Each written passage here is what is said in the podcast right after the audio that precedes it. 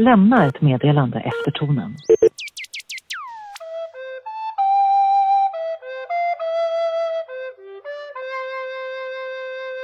Längs Remersholme stävar en promliknande båt förbi. Den har just passerat ett lummet Långholmen efter en stilla färd förbi Stadshuset och längs Riddarfjärden. Båten ska sedan fortsätta sin idylliska resa genom Årstaviken och vidare ut i världen. På båten sitter två 50 kvadratmeter stora bildskärmar monterade. Bildskärmarna påminner om gigantiska mobiltelefoner och visar reklam. Vad är nu detta? Jag får en stark undergångskänsla. Känslan kan sammanfattas med att det här är det sista mänskligheten behöver. Men det är dumt och oheligt att döma ut saker på förhand. På företaget Billboats hemsida står följande att läsa. Eldrivna motorer, kreativitet och klimatkompenserat stål är en självklarhet för oss. Enorma LED-skärmar, skrovets friktion mot vattnet och batteritid. Jag får omöjligt ekvationen att gå ihop. I somras lånade jag en hybridbil och batteriet räckte inte särskilt länge. Hur fungerar denna reklambåt? Hur länge kan skutan gå på sina batterier? Hemsidans kortfattade information gör mig ännu mer intresserad. Detta måste vara innovation i framkant. Jag vill såklart veta allt och söker ivrigt vidare på hemsidan efter svar. Tyvärr finner jag inga sådana. Däremot blir frågorna fler. Klimatkompenserat stål beskrivs av verksamheten som en självklarhet. Det vill jag veta mer om, men hittar inga som helst uppgifter om Billboats stål, vare sig på företagets hemsida eller någon annanstans. Däremot får jag under mina efterforskningar reda på annat. Jag läser att ägarna till verksamheten är Max Bjurström och Daniel Redgert. Den förra verkar arbeta på Sjöfartsverket. Den senare är PR-konsult och influencer. Jag läser att en av reklambåtens första annonsörer var Eldorado. Lågprisvarumärket har tydligen lanserat en klädkollektion. Det här är faktiskt tredje året i rad som det släpper en klädkollektion och i år står frysta bär i centrum. Frysta bär låter trevligt, även om det inte framgår vad det har med kläder att göra. Vi vill alltid vara först på bollen när det kommer till nya spännande marknadsföringskoncept. Så när möjligheten med Billboard kom upp var vi inte sena att hoppa på, säger Eldorados marknadschef. Samma marknadschef framhåller att kollektionen har fått ett mycket fint mottagande bland influencers. Daniel Redgert ligger bakom initiativet med kläderna. Kanske ingår han bland de positiva rösterna. Några andra som gärna förknippas med reklambåten är köpcentret Gallerian i centrala Stockholm. Verksamheten ägs av AMF Fastigheter. Jag kan inte låta bli att tänka att det verkar självdestruktivt att som fastighetsägare bidra till stadens förfulning. Vad tycker deras hyresgäster längs Årstaviken om båten? Eller för den delen, det som pensionssparar genom moderbolaget AMF? Jag undrar vad folk i allmänhet, inte bara AMFs kunder, tycker om båten. Någon på Twitter skriver att hen vill sänka båten. Någon annan har lagt upp en bild på en somalisk pirat med ett raketgevär över axeln. Det kan konstateras att ytterst få personer verkar positivt inställda till båten. De enda positiva röster som jag kan hitta i sociala medier tillhör Max Bjurström, Daniel Redgert och en Emil Larsson. Den sistnämnda arbetar som Billboats säljare. Jag återvänder till Billboats hemsida. Information om elen och stålet måste såklart finnas där, någonstans. En av delägarna är en PR-konsult. En sådan känner definitivt till att det ställs höga krav på tydlighet vad gäller miljöpåståenden. Det är en sån sak som företag brukar trilla dit på. Jag måste missat informationen. Jag kanske haft för bråttom och jag fortsätter leta, men utan framgång.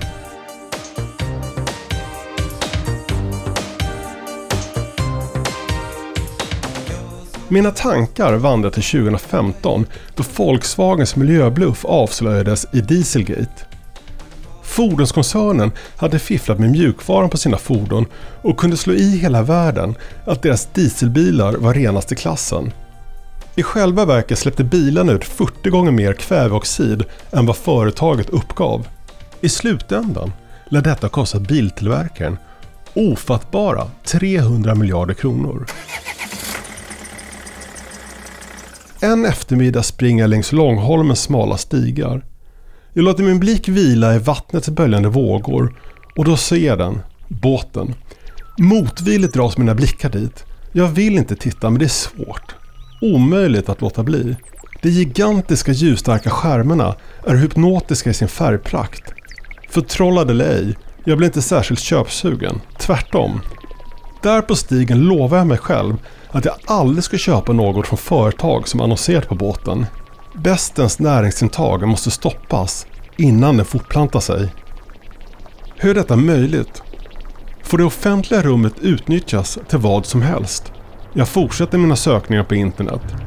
Tydligen liknande båtar stoppats i New York. Eh, Skeppsrådet eh, tycker att det är eh, mycket störande att ha en eh, båt med rörlig reklam som rör sig runt på stadens vatten. Eh, som ju normalt sett är en yta som borde vara helt fredad ifrån den här typen av kommersiella budskap. Jag ringer skönhetsrådet som inleder med att säga att det inte alls är emot reklam i Stockholm. Däremot ställer sig kritiska till den så kallade reklambåten som beskrivs i termer av en visuell förorening. Precis som jag själv har det ställt sig frågan varför reklamköpare överhuvudtaget vill förknippas med båten. Det är en väldigt bra fråga. Det är ju ganska många som har hört av sig till oss också och vi delar ju den uppfattningen. Som sagt att stadens vattenytor ska vara fria från reklam. Så det är en fråga som, eh, om jag hade varit annonsör så hade jag ju inte direkt eh, sätta mitt varumärke på den här båten. Så den frågan borde ju ställas till dem. Dessvärre är regelverket snårigt och i nuläget verkar det vara svårt att med juridiska medel få bort båten. Vi får hoppas på en lex Billboat, tänker jag.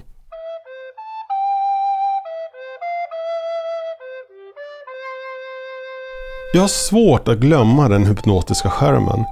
På internet tar jag del av alla texter och bilder jag kan hitta och gör en intressant iakttagelse.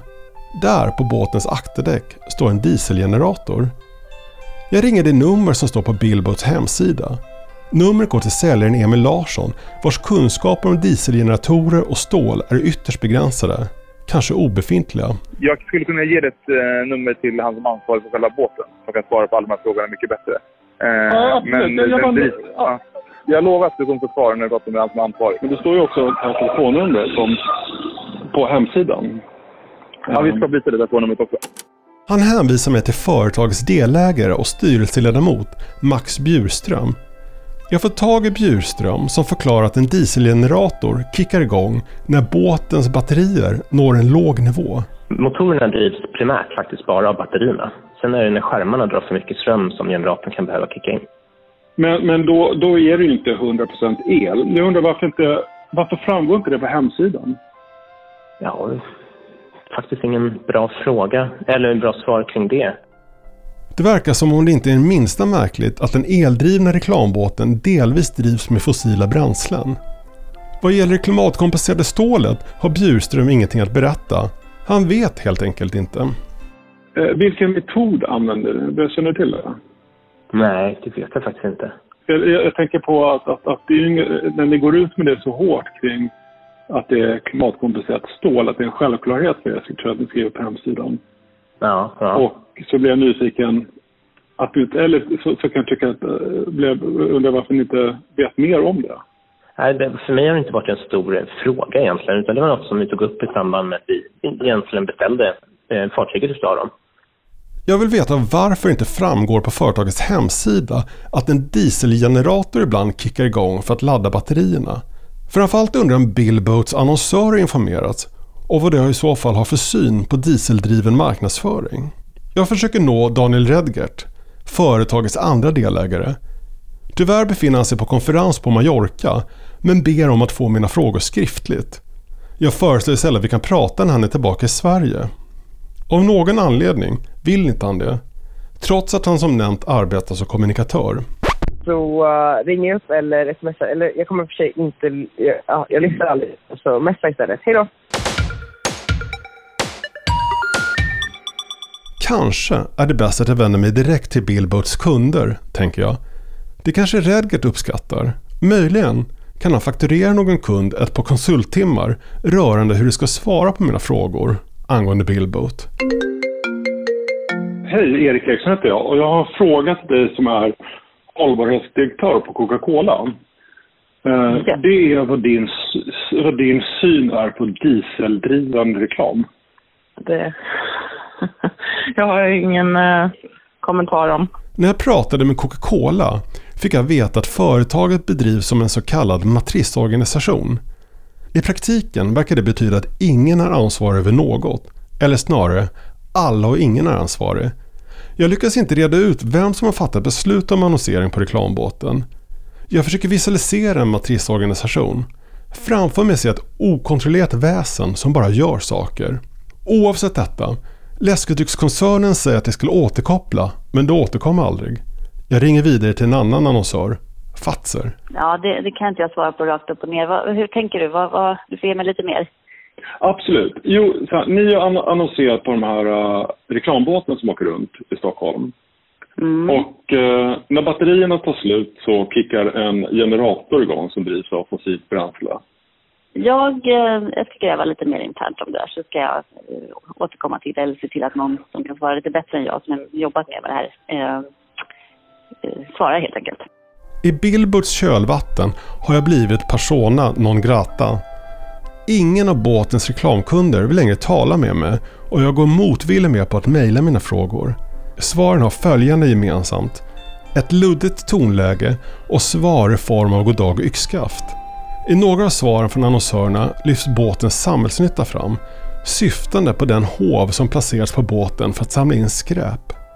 I ett mejl förklarar en kund att på tre dagar har Bestens hov fiskat upp skräp motsvarande en fylld svart sopsäck. Fint förvisso, men hur effektiv är skräpinsamling i förhållande till energiåtgången? Max Bjurström på Billboat berättar. Eh, hur, hur mycket skräp får ni in en dag? Ja, vi hade faktiskt en diskussion kring det idag. Eh, vi estimerar till ungefär 50 liter om dagen när vi är ute och kör. Eh, hur mycket är det? Är det en, en sopsäck eller? Eh, en sopsäckring rymmer allt mellan, de vi använder rymmer då 150 liter, det är så vi estimerar här. Så vi fyller en sopsäck på ungefär tre dagar. Det finns sopsäckar som rymmer 200-220 liter också. Men i det här fallet är det 150 liter sopsäckar. Skräpet fastnar ju framför allt i bryggor, kajkanter, vegetation och så vidare. Alltså inte i farlederna. Alltså på ställen där inte ni är. Vad tänker du kring det? Att det hade varit mycket... Jag tycker i och för sig att det är bra att det stannar upp någonstans så man kan plocka upp det. Men det hade ju varit eh, roligare om vi hade möjlighet att plocka upp det. Men vi har inte möjlighet att gå in i varenda minsta lilla hörna och plocka. Vad gör ni förresten med skräpet som ni, som ni samlar in? De, det slänger i en container. Eh, och vad hamnar det, vad, vad hamnar det någonstans? Det går sen till, till en tipp. Budbee är en annan annonsör som framhäver reklambåtens samhällsnytta. På den gröna budfirmas hemsida står att för företaget är hållbarhet inget PR-trick. Det är en investering för framtida generationer. I branschtidningen Resumé läser jag att Budbee anlitat Redgats PR-byrå för kommunikationsrådgivning, PR-aktiveringar och influencer marketing. Klimatavtryck, kemikalier, stålframställning, energiförbrukning och det sammanhanget minsta problemet, nämligen förfulningen av det offentliga rummet. Billboards annonsörer väljer att inte se helheten utan fokusera på en hov. Jag kommer på att jag glömt att fråga varifrån Billboards får sin elektricitet. Kolkraft, kärnkraft, vattenkraft, vindkraft eller solkraft? Frågan är inte alls oviktig och för företaget är ju eldrivna motorer en självklarhet. Jag orkar faktiskt inte ringa att fråga. Min magkänsla säger att ingen kommer att veta och Redgert vill fortfarande inte prata med mig. Jag väljer att skicka ett sms till Bjurström. Han svarar att elen kommer från deras båtplats. Det är någonting i hans svar som berör mig. Han verkar trots allt välvillig, till och med ärlig. Jag tar en sista titt på hemsidan för att se om någon ny information tillkommit efter alla mina samtal. Det har det inte. Men jag noterar att uppgiften om det klimatkompenserade stålet som var en sådan självklarhet för verksamheten är borttagen. Självklarheten var kanske inte så självklar, trots allt.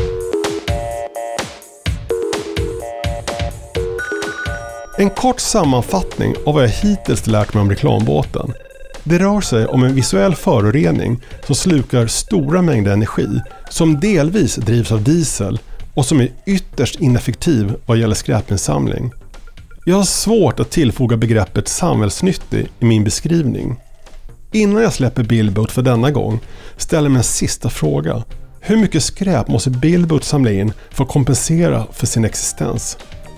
Jag får fortfarande inte ekvationen att gå ihop. The number you have reached has been disconnected.